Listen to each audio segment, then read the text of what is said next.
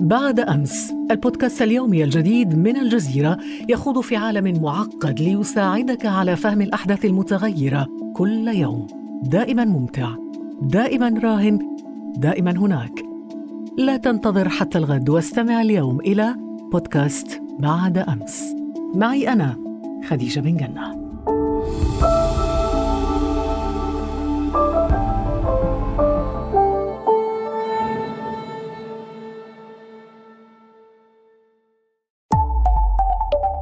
الجزيرة بودكاست. جاء موعد فحصك الطبي. يوم الاثنين الثامن من فبراير شباط من العام 2100 كانت ساعة يدك قد حددته لك مسبقا في المركز الطبي القريب بعدما نبهتك إلى خلل ما يؤثر على وضعك الصحي. يحين دورك وبعد دقيقتين من جلوسك في جهاز الفحص يعود الطبيب بالنتائج. لا داعي للقلق. مجرد خلايا سرطانية قد نمت قبل أشهر في عظام ساقك. محدثة ورما خبيثا هذا ما يقوله طبيبك. يحدد لك الطاقم موعدا لجلسة العلاج الأولى والوحيدة بعد يومين فقط. ويقول لك أحد الممرضين إن الروبوتات النانوية الدقيقة ستقضي على الخلايا السرطانية وتعيد لك عافيتك خلال أيام. تتنفس الصعداء بعد أن تتأكد أنها لن تؤثر على رحلتك المقررة في الشهر المقبل.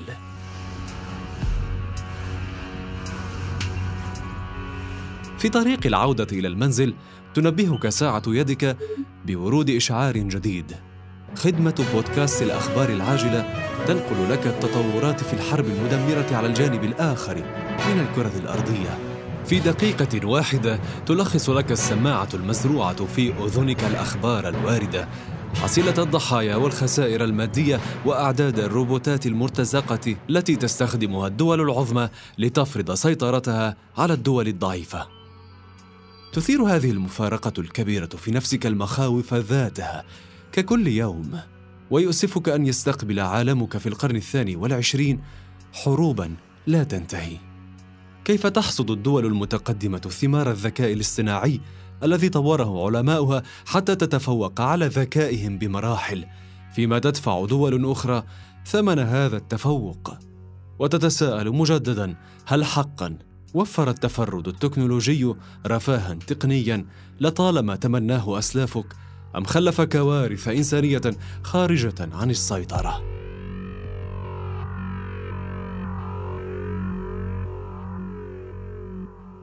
كان ذلك مشهدا متخيلا لما قد تكون عليه الحياة في كوكبنا. ما بعد بلوغ الذكاء الاصطناعي لحظة التفرد.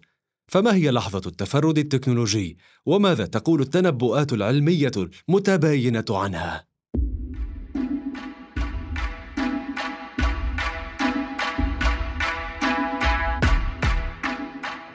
أهلا بكم في هذه الحلقة من بودكاست لحظة من الجزيرة.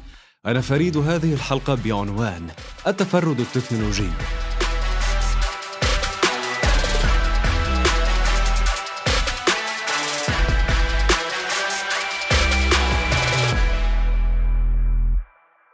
يفترض منظرو التفرد التكنولوجي أن البشرية مقبلة على لحظة ما يصبح بعدها ذكاء الآلات والحواسيب من حولنا متفوقا على ذكاء الإنسان أي أن أداء كل ما هو تقني لن يتجاوز قدرات البشر فحسب بل سيكون قادرا على التحسن والتطور من تلقاء نفسه تماما كالأدمغة بل وبتسارع هائل.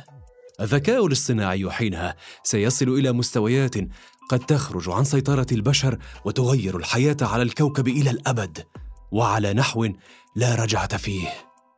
ويعرف الذكاء الاصطناعي هنا على أنه الأنظمة والأجهزة التي تبرمج لمحاكاة الذكاء البشري. وأداء مهام محددة كما يمكنها تحسين نفسها اعتمادا على المعلومات التي تجمعها. ظلت فكرة وصول العالم إلى لحظة التفرد التكنولوجي تراود العلماء بدءا من جون فون نويمن أول من استخدم مصطلح التفرد في هذا السياق عام 1903 إلى آي جي جود الذي تنبأ بهذا الانفجار المعرفي.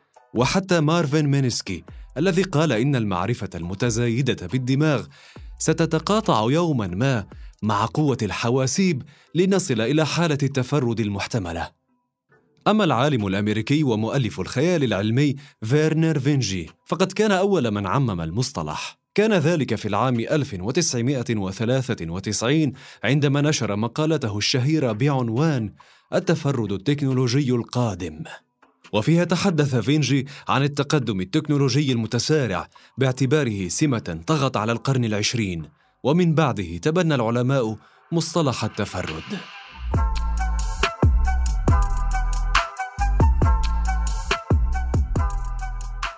يختلف المتخصصون في مستقبل التكنولوجيا حول موعد لحظة التفرد لكن المفكر العبقري ري كورتزويل حدد عام 2045 على أنه الموعد المفترض.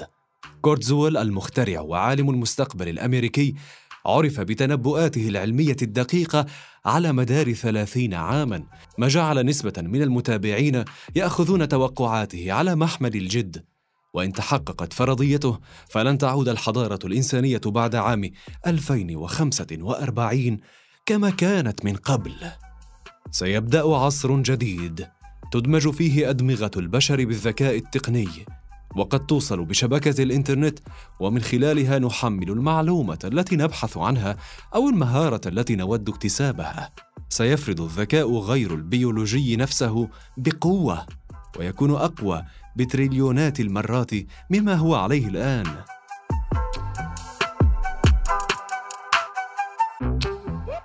الفرضيات تقول إن أجزاء من أجسامنا ستكون مسيرة آلياً وقد لا يكون التمييز بين الآلة والإنسان سهلا في المراحل المتقدمة على نحو يشبه فكرة الأطراف الصناعية ولكنه أكثر تطرفا. المديرة التنفيذية لشركة آيريس إي آي والمتخصصة في الذكاء الاصطناعي أنيتا شيلبرييدا تقدم صورة مقربة لهذه الفكرة. ستبدو العلاقة التي تربط البشر بالآلة مختلفة جدا عما هي عليه اليوم. لن يكون الأمر على شكل أجهزة بين أيدينا وإنما مدمجة داخل أجسامنا بطريقة أو شكل أو صيغة ما. أعتقد بأننا سنرى اصنافا من البشر مقسمين بطريقة تختلف عما هي عليه الآن. لن يكون التمييز بينهم معتمدا على القومية. إن كانوا عربا أو أوروبيين أو من أمريكا اللاتينية بل سيسأل البشر بعضهم البعض أسئلة مثل لأي نوع من البشر الآليين تنتمي حضرتك؟ هل تتشكل من خليط بيولوجي أو آلي؟ هل أنت آلي أكثر من كونك بيولوجيا؟ هل اخترت التطوير المناسب لدماغك بعد أم لا؟ وأمورا أخرى مماثلة لهذه. يمكن لهذا التطور كذلك أن يتعامل مع تحديات المناخ والجوع والفقر وحتى الشيخوخة.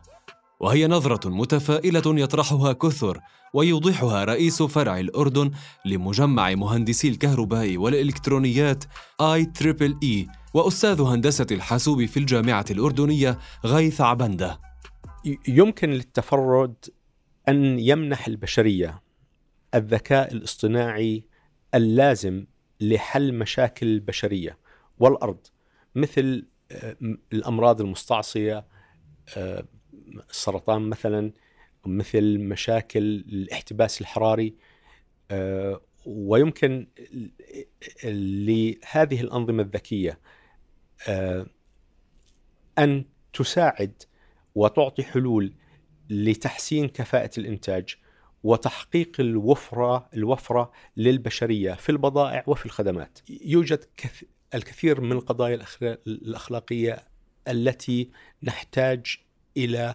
التعامل معها وتطويرها.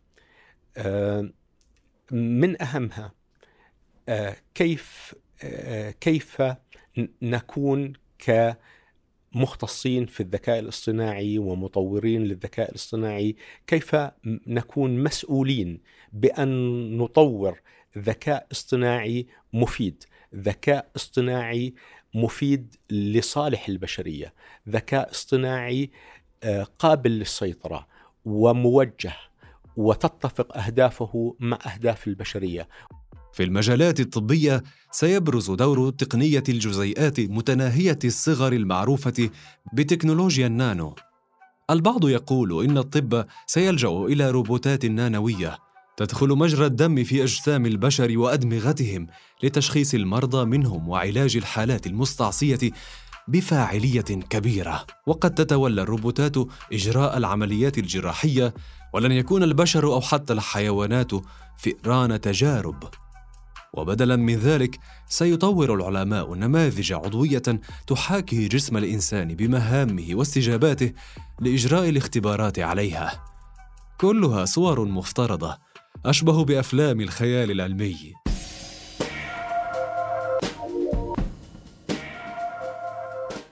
الأفلام ذاتها التي صورت المستقبل كمكان سوداوي تخرج فيه التكنولوجيا عن السيطرة أو تستخدم كأداة للتدمير. وتهدد العالم بحروب تعتمد أسلحة ذكاء اصطناعي تتجاوز البارود أو الأسلحة النووية. هل السيطرة ستكون للإنسان أم أن الذكاء الاصطناعي الخارق سي سيكون مستقل ومسيطر على نفسه ولا ولا يوجد سيطرة للإنسان عليه؟ حتى لو كان الذكاء الاصطناعي آه، تحت سيطرة الإنسان يوجد مخاطر. هل سيكون تحت سيطرة دولة معينة أو شركة معينة وتحجب خدمات هذا الذكاء الاصطناعي الخارق عن باقي البشرية وتستخدمه للثراء الفاحش أو للسيطرة على العالم بشكل كامل؟ هذه وهذا الشيء حسب الطبيعة الإنسانية ممكن أن أن يحصل. لتجنب هذا السيناريو آه، يوجد مجموعة من الناشطين الذين يشجعون آه، على انتشار معرفة وتقنيات الذكاء الاصطناعي بشكل مفتوح للناس وللبشرية جمعاء. ورغم وجود هذه التجارب الناشئة التي تحاول تعميم التقنيات ذات الصلة إلا أن حكومات وشركات عملاقة ما تزال تحتكرها كما توضح أنيتا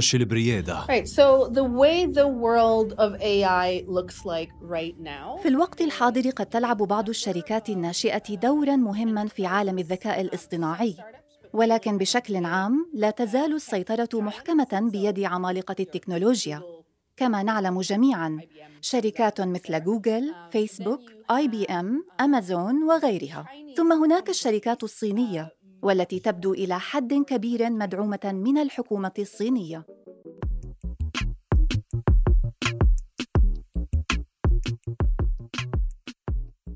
ولكن ايا كانت العواقب المفترضة فهي لا تتجاوز كونها. تنبؤات لن تتحقق إلا بعد مرور الذكاء الاصطناعي بثلاثة مستويات حسب الفرضية.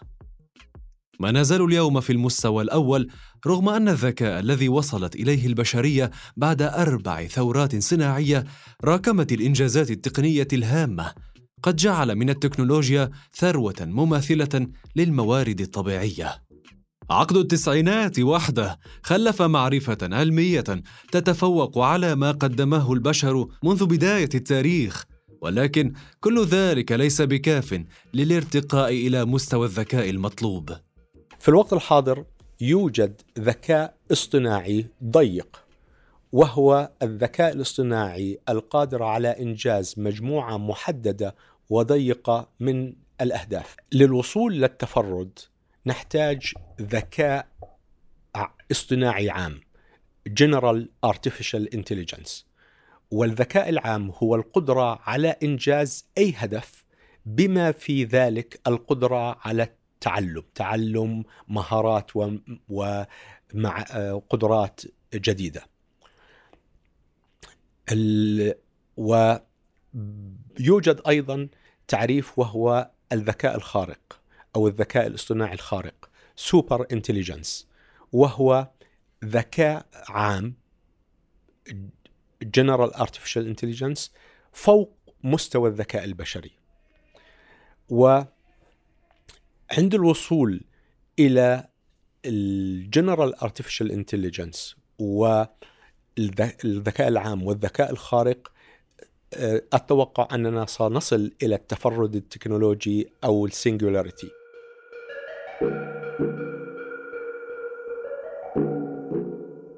في عام 2008 أسس راي كورتزويل مع علماء آخرين مجتمعاً عالمياً يعتمد التقنيات المتطورة باضطراد لمعالجة التحديات التي يواجهها العالم.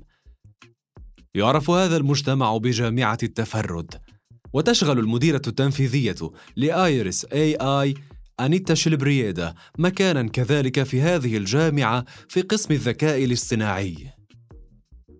شلبريادا تقول إنه رغم الاختلاف بين العلماء على موعد هذه اللحظة فإن مجيئها لن يكون لحظيا بل بالتدريج.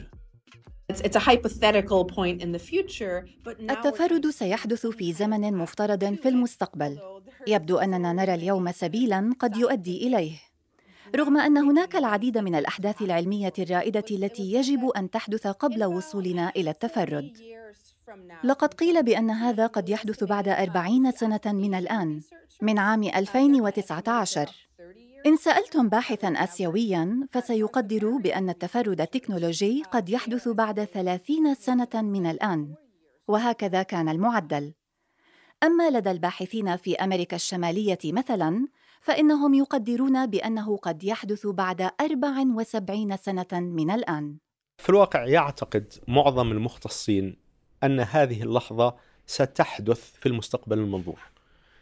وأنا أشاركهم هذا الاعتقاد، فالبشرية بشكل متسارع تسخر تقنيات متزايدة لخدمة أهدافها، من النار إلى الآلة، إلى الكهرباء، إلى الحواسيب، إلى الذكاء الاصطناعي والروبوتات. وأداء الحواسيب وذاكراتها والبيانات التي تجمعها والخوارزميات الموجودة تتطور بشكل متسارع وأسي. والذكاء الاصطناعي يتطور بشكل سريع وسيصل إلى مستوى الذكاء البشري ثم سيتجاوزه بشكل سريع بعد ذلك. إذا هل نحن على موعد مع زمن قريب يقدم فيه الإنسان البيولوجي آخر اختراعاته على الإطلاق؟ زمن تكون فيه التقنية أذكى منا بكثير إلى حد استكمالها عجلة التطور بدلا عنا. الفرضيات تقول إن أنظمة الذكاء الخارق ستتمتع بقدرة استثنائية لتنفيذ مهام بشرية بحتة كاتخاذ القرارات وممارسة الفن. حتى أنها قد تلعب دورا في العلاقات العاطفية بين البشر ما يعني أن اختراع آلات بوعي ذاتي ينافس وعينا ستغادر المختبر يوما ما وقد تغزو العالم.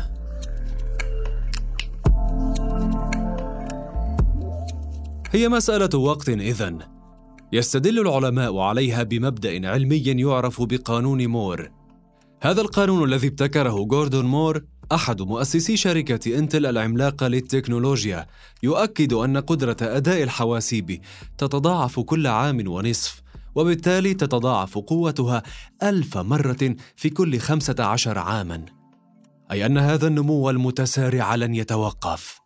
إلا أن آخرين أبرزهم الفيلسوف وعالم المنطق الأمريكي نعوم تشومسكي يخالفون هذا الاعتقاد. الأستاذ غيث عبندة يوضح السبب. تشومسكي في الواقع هو من أبرز الإخصائيين الذين يعتقدون أن التفرد لن يحدث في المنظور القريب. وتبريره أن الإنسان لم يفهم بعد بشكل كافي ما هو الذكاء وكيف يعمل الذكاء وكيف يمكن برمجة الذكاء وأن البشرية بعيدة قرون عن هذا الفهم. كما أن بعض المختصين يرون أن الوصول إلى التفرد يستلزم الاستمرار في تطوير سرع الحواسيب وأن التطور الحالي والسابق في الحواسيب كان ممكن بسبب قانون مور. هذا القانون الذي يلاحظ أن عدد الترانزستورات التي يمكن وضعها في الرقائق الإلكترونية يتضاعف كل سنتين. آه، ومعروف أن هذا القانون سيصل إلى نهايته قريبا وسيتوقف تسريع الحواسيب ما لم نجد تقنيات أخرى غير الحالية. عوامل مختلفة تمنع علماء آخرين من التصديق باقتراب البشرية من التفرد التكنولوجي كما تقول say إذا "No, تحدثت إلى عالم أعصاب فسيقول لك لا لا. علينا فهم الدماغ البشري بصورة صحيحة لنتمكن من بناء آلة تفكر مثل الإنسان. وإن سألت فيزيائياً فسيقول لا لا. هناك بعض الحقائق الجوهرية التي لا نعرفها بعد عن الواقع من حولنا. وإذا سألت عالما في الرياضيات فسيقول لا لا. هناك بعض النظريات التي لم نتمكن من حلها حتى الآن. وإن استطعنا حلها فسنتمكن من بناء آلات كهذه حينها.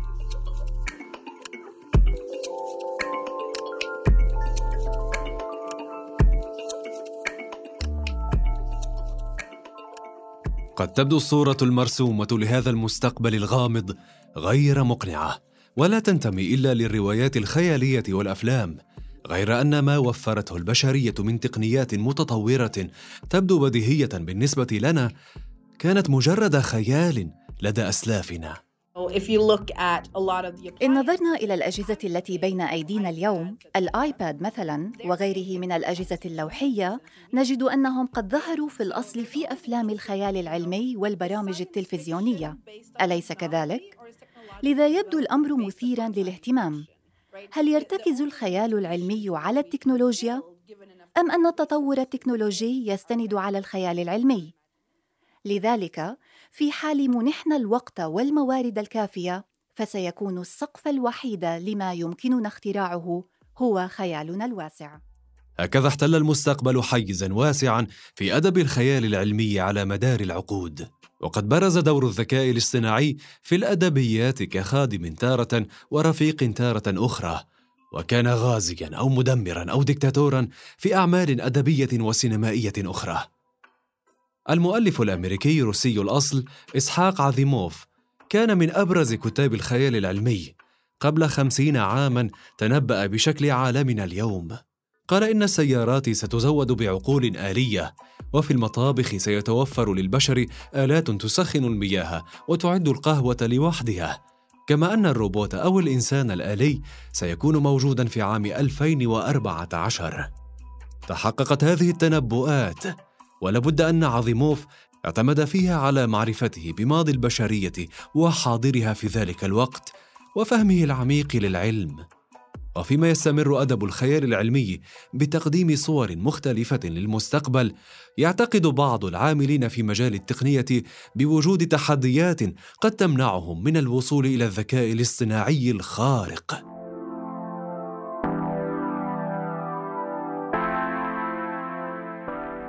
يقول هؤلاء إن الذكاء الاصطناعي يجب أن يتطور بالتوازي مع الأطر الأخلاقية والقانونية المتعلقة به. عدا عن ذلك قد يؤثر على خصوصية البيانات الشخصية للمستخدمين وهو تهديد يزداد الحديث عنه يوما بعد يوم. مع ازدياد المستخدمين في منصات إلكترونية شهيرة مثل فيسبوك وجوجل وأمازون التي تتدفق إليها بيانات المستخدمين باستمرار. كما تشكل الاستعانة بالآلات بديلا عن الطاقات البشرية في مصانع ومؤسسات حول العالم تهديدا يراه البعض حقيقيا لفرص العمل. في وقت يتسارع فيه النمو السكاني أمام التحديات الاقتصادية والطبيعية. هذه التوقعات قد تتحول من مجرد مخاوف إلى تهديد حقيقي للبشرية ككل. وهو ما نظر له علماء بارزون. على رأسهم ستيفن هوكينج أذكى علماء الفيزياء النظرية. هوكينج دعا إلى تحديد التهديدات المحتملة للتكنولوجيا والتعامل معها قبل أن تتفاقم إلى خطر على الحضارة الإنسانية. أما إيلون ماسك مؤسس شركة OpenAI غير الربحية والعاملة في مجال الذكاء الاصطناعي فقال إن عدم التحكم بالذكاء الاصطناعي سيخلق دكتاتورا خالدا هو تلك القوة الكامنة في الآلة خارقة الذكاء. سيخلف الفوضى والقمع وسيدمر البشرية إن وقفت في وجهه دون أي عاطفة تجاه ما يفعل.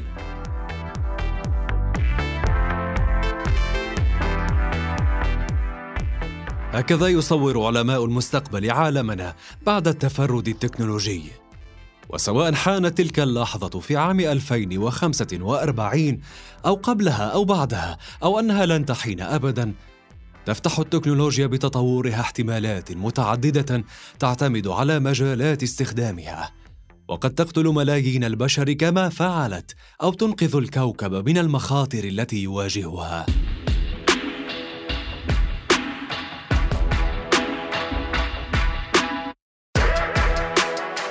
في الحلقة القادمة من بودكاست لحظة سنتناول لحظات أخرى غيرت حياتنا بشكل مختلف وربما في مجال مختلف أيضا. انتظرونا الأسبوع المقبل لتتعرفوا على اللحظة القادمة ولا تنسوا زيارة موقعنا على الإنترنت podcast.aljazeera.net ومشاركة هذه الحلقة مع أصدقائكم. كان معكم في هذه الحلقة فريد. إلى اللقاء.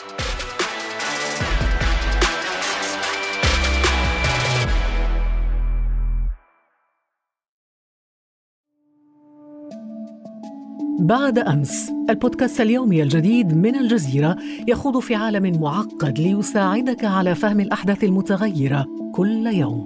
دائما ممتع دائما راهن دائما هناك. لا تنتظر حتى الغد واستمع اليوم إلى بودكاست بعد أمس. معي أنا خديجة بن جنة.